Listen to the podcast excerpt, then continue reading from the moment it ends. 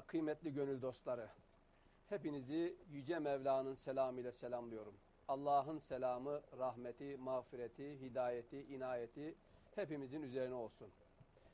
Bugünkü Ramazan Sohbetleri adlı programımızda Kur'an'daki var olan kıssaların varoluş gerekçeleri üzerinde olacaktır. Tabi bizden önce de yaşayan ümmetlere çeşitli peygamberler gelmiş, onları Allah'ın kitabına, tevhide davet etmişler. Bazı peygamberler hakikaten bu işlerinde Cenab-ı Hakk'ın izni kendi gayretleriyle büyük merhaleler, kademeler kat etmiş.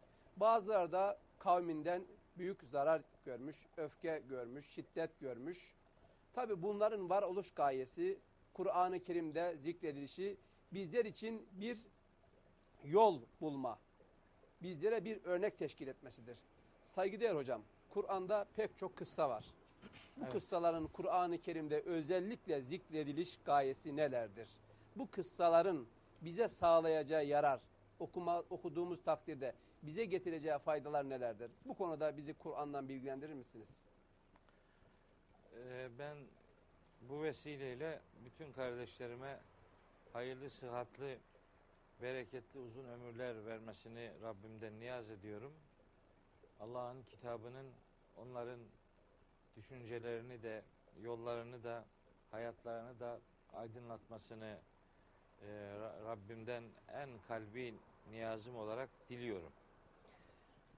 Kur'an-ı Kerim'de kıssalar vardır. Hatta Kur'an-ı Kerim'deki kıssaların Kur'an bütünlüğüne olan oranı eee 3 bölü 5 diyebileceğimiz kadardır. Yani Kur'an'ın 5'te 3'ü Kıssa. kıssalardan oluşuyor. Niye bu kadar büyük bir oran Kur'an'da acaba yer alıyor? Niye geçmiş ümmetlerin hayatları Kur'an'da bu kadar fazla yer buluyor? Bu soruyu iyi, net ifadelerle cevaplandırmak durumundayız. Öyle yaklaşık ifadelerle de değil. İşin sahibi bu konuda ne dediyse işte onu diyerek biz de bu cevabı vermeye gayret edeceğiz. Kendimiz bir takım çıkarımlarda bulunmayacağız. Birebir Kur'an'ın bu konuda ifade ettiği gerçeklere temas etmeye e, gayret edeceğiz. Şimdi bakın Kur'an-ı Kerim'de o kadar çok kıssalar vardır ki bakın mesela Bakara suresi adını böyle bir kıssadan almıştır. Ali İmran suresi İmran ailesinin kıssasından adını almıştır. Mesela peygamber adlarının surelere isim olarak verildiği örnekler vardır. Mesela Hud suresi, mesela Yunus suresi, mesela Yusuf suresi, İbrahim suresi gibi.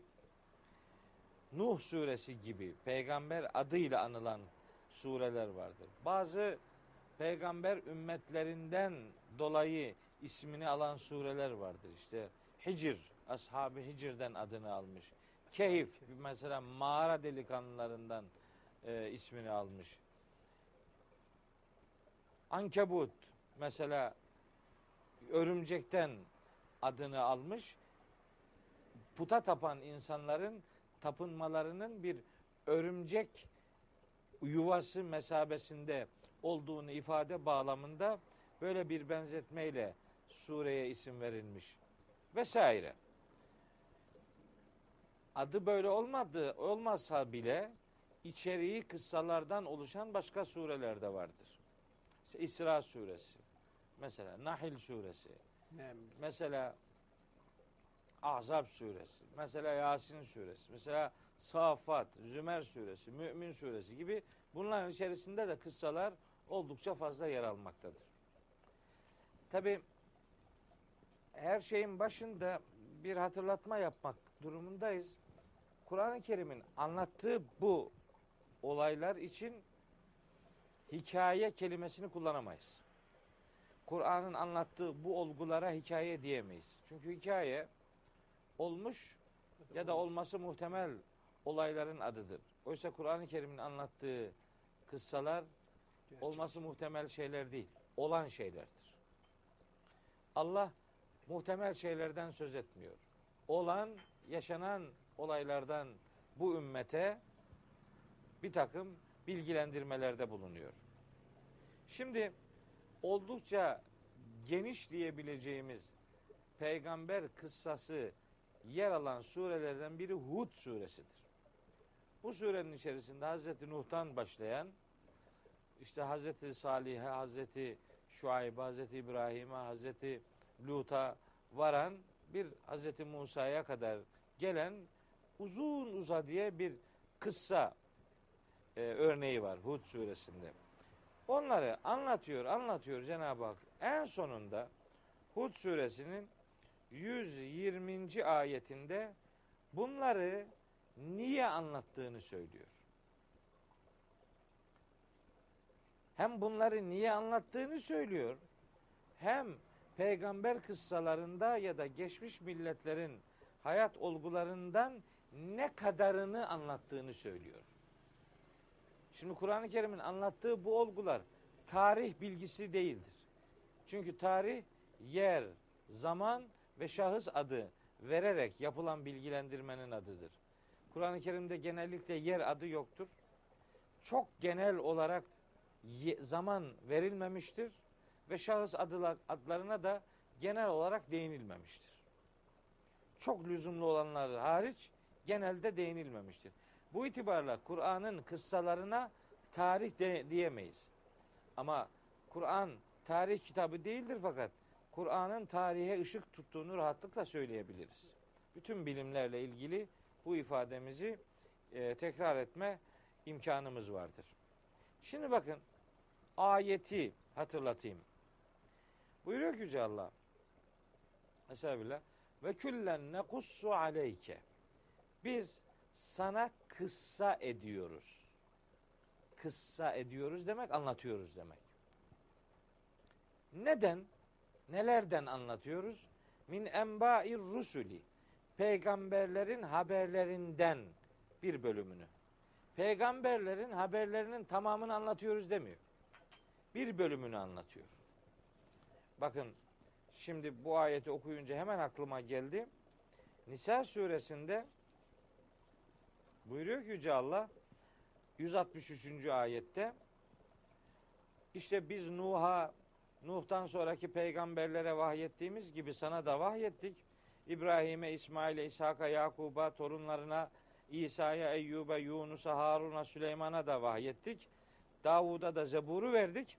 Ve rusulen kad kasasnahum aleyke min kablu daha önce sana kıssa ettiğimiz peygamberlere de vahyettik.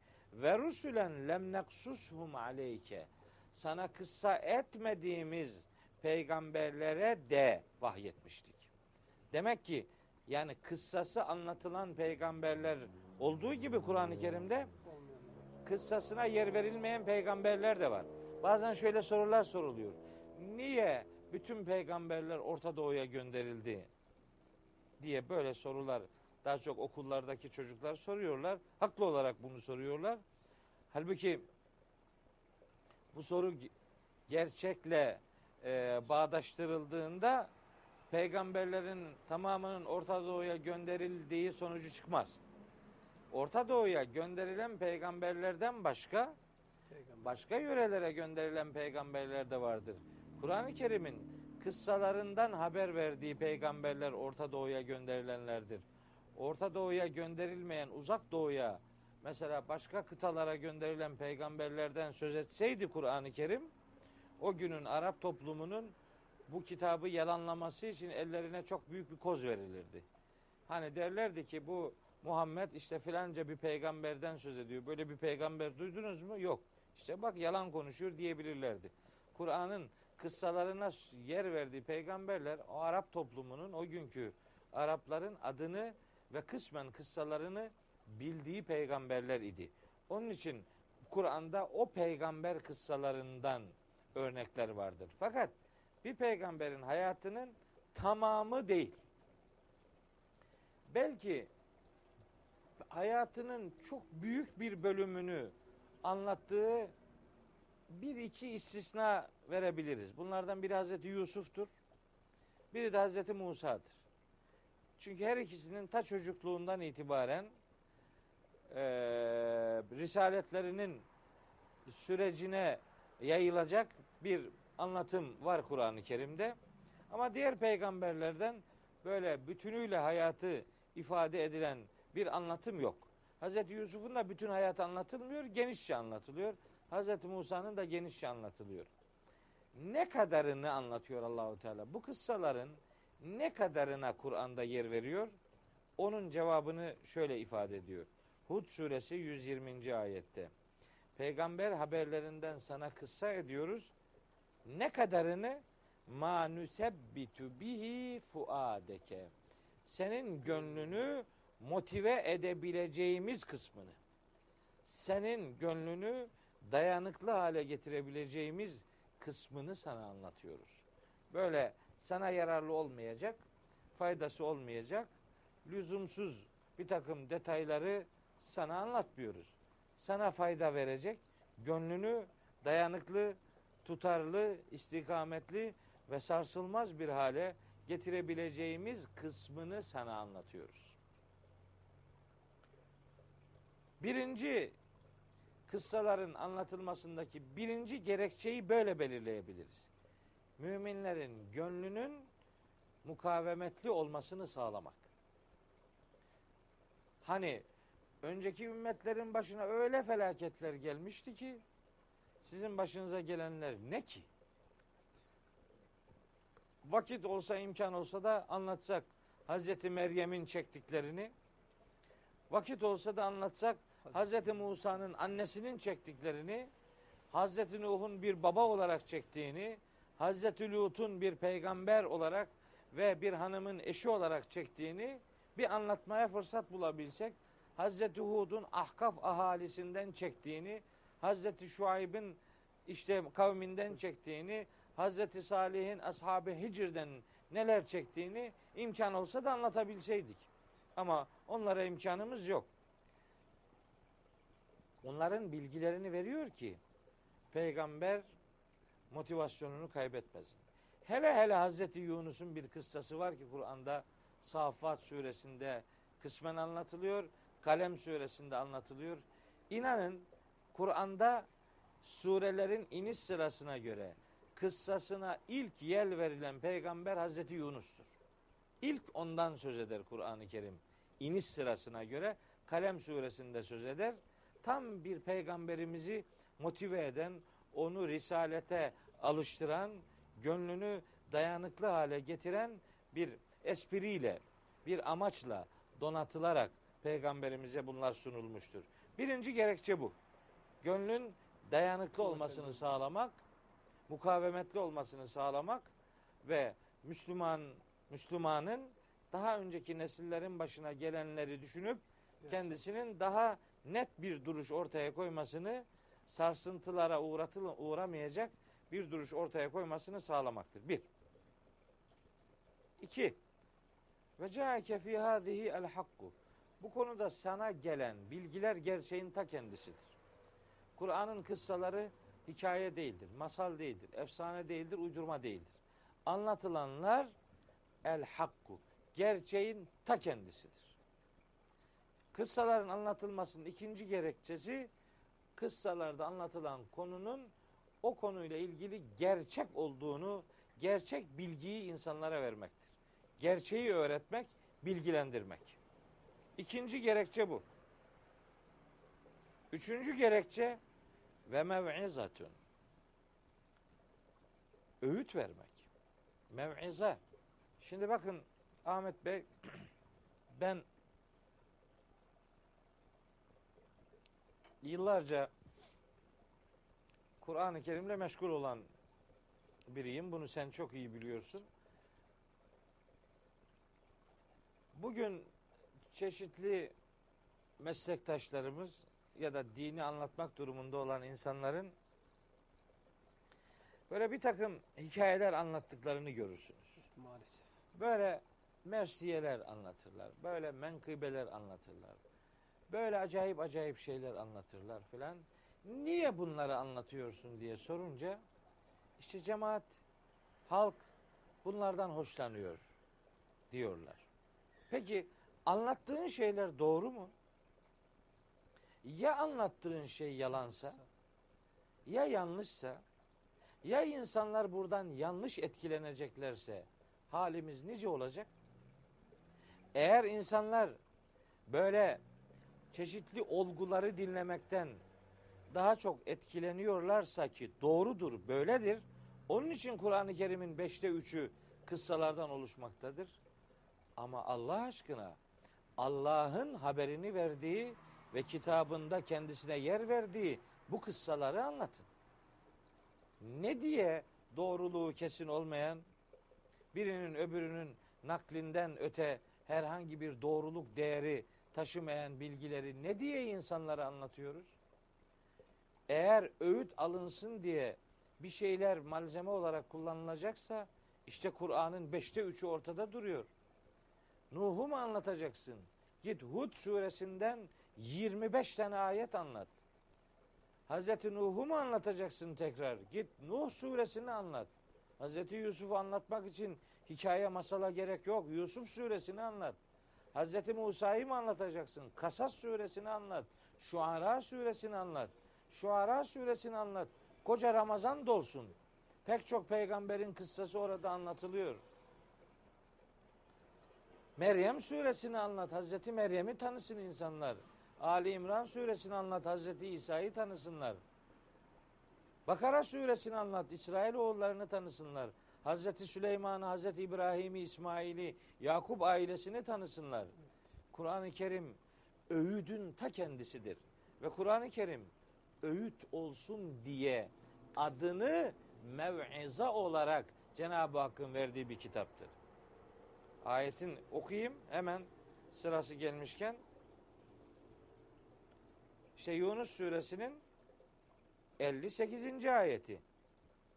Ya eyyühen nasu ey insanlar kad caetküm mev'izatun min rabbikum. Bakın Rabbinizden size bir öğüt gelmiştir. Kur'an'ın adı öğüttür. İşte içindeki kıssaları anlatın.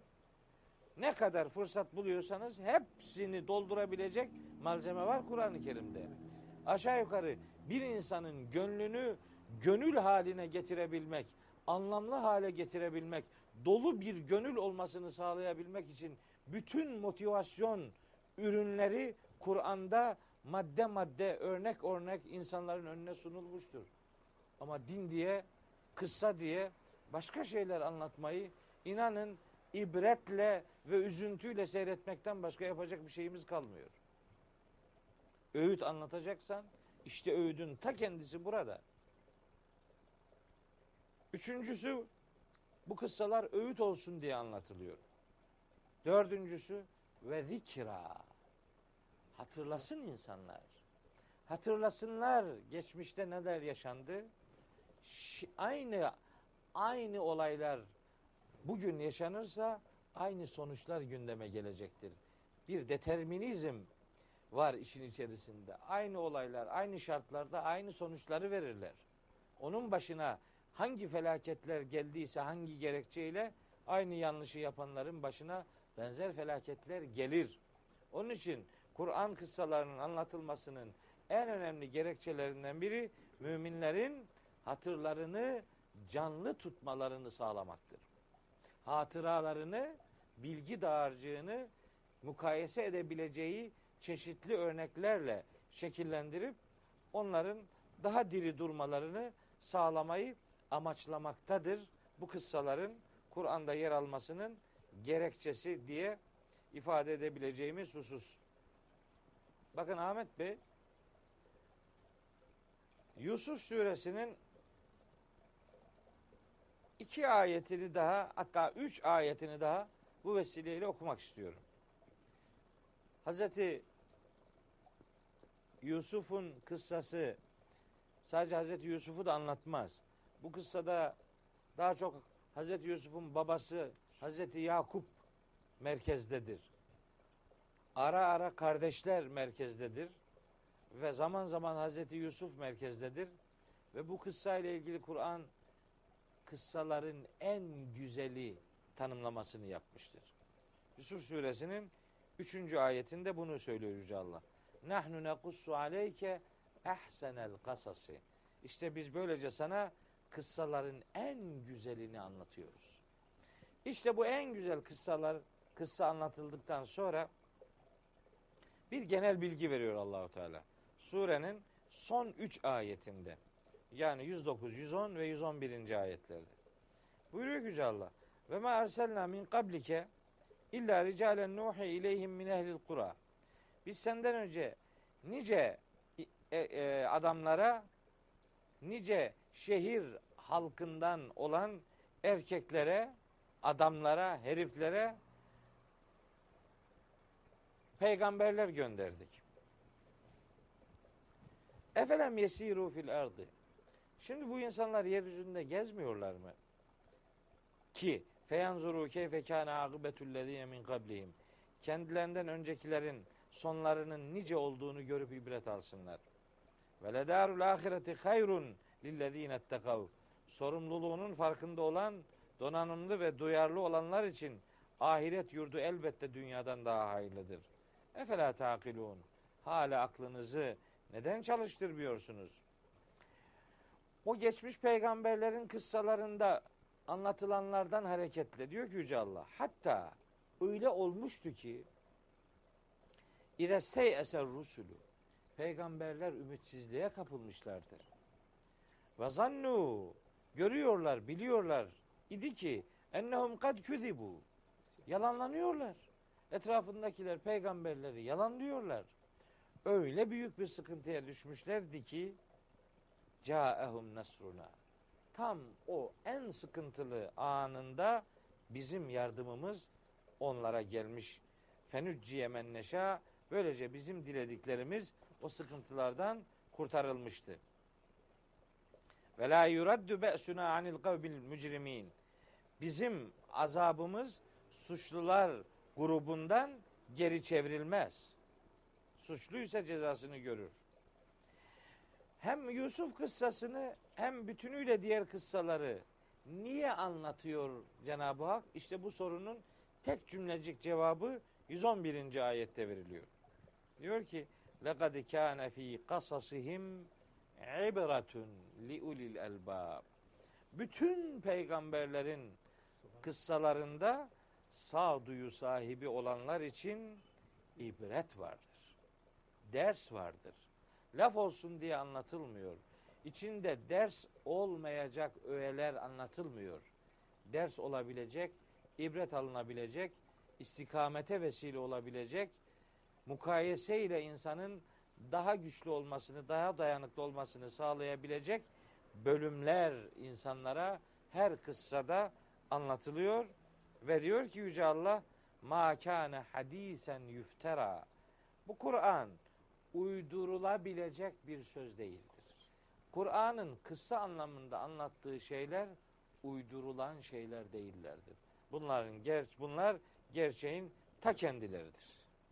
İşte bu beş önemli amacı Kur'an kıssalarını takip ederken eğer biz gözümüzün önüne getirir kıssaları bu bilinçle okumaya gayret edersek bilmeliyiz ki her kıssa bizim gönlümüzü sağlamlaştırmayı, bize gerçeği öğretmeyi, öğüt almamızı sağlamayı ve geçmiş milletlerin kıssalarıyla mukayese yapabilecek geçmişi hatırlatmayı en sonunda da onlardan mutlaka bir şekilde ibret almamızı sağlayacak bir prensibe oturtulmuştur.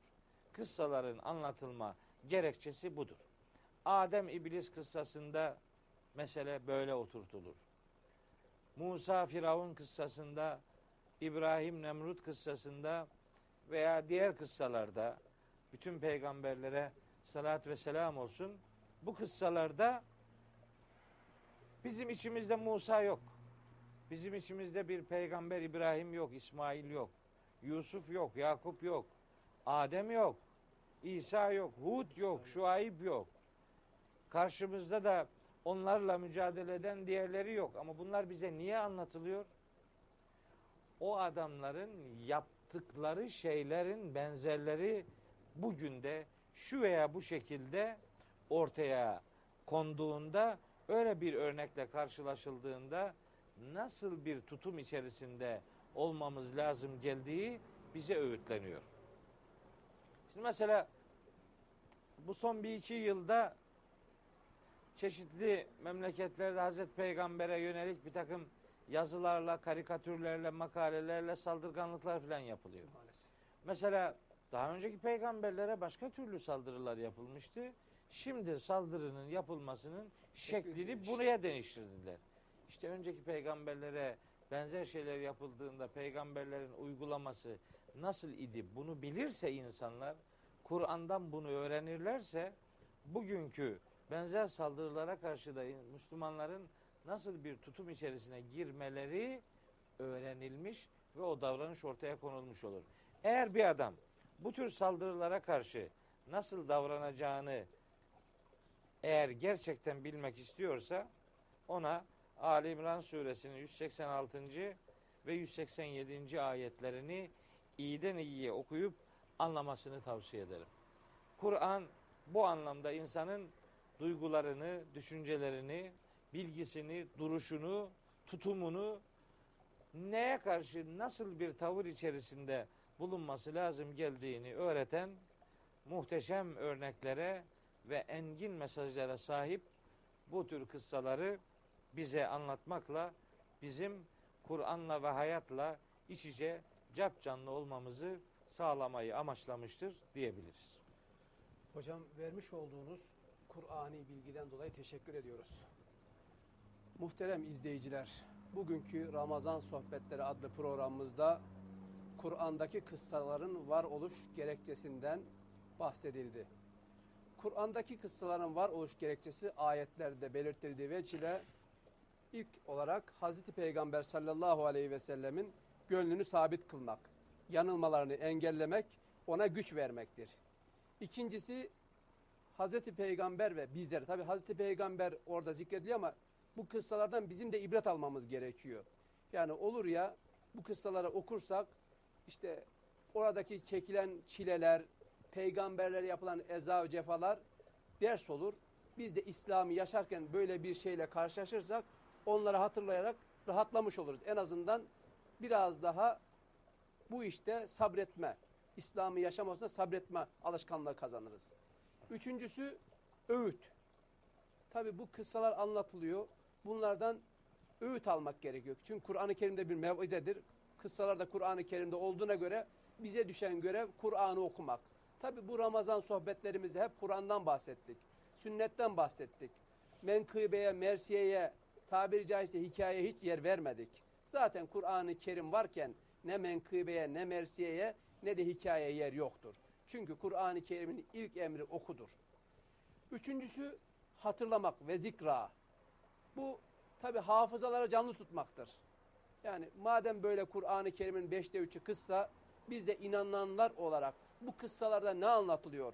Bize fayda sağlayacak, bize yol gösterecek, bize yön verecek ne vardır? Bunları da hepimizin okuması gerekiyor. Kıymetli izleyiciler, bir sonraki buluş, programda buluşmak dileğiyle hepinizi Allah'ın selamıyla selamlıyorum. Hoşça kalın.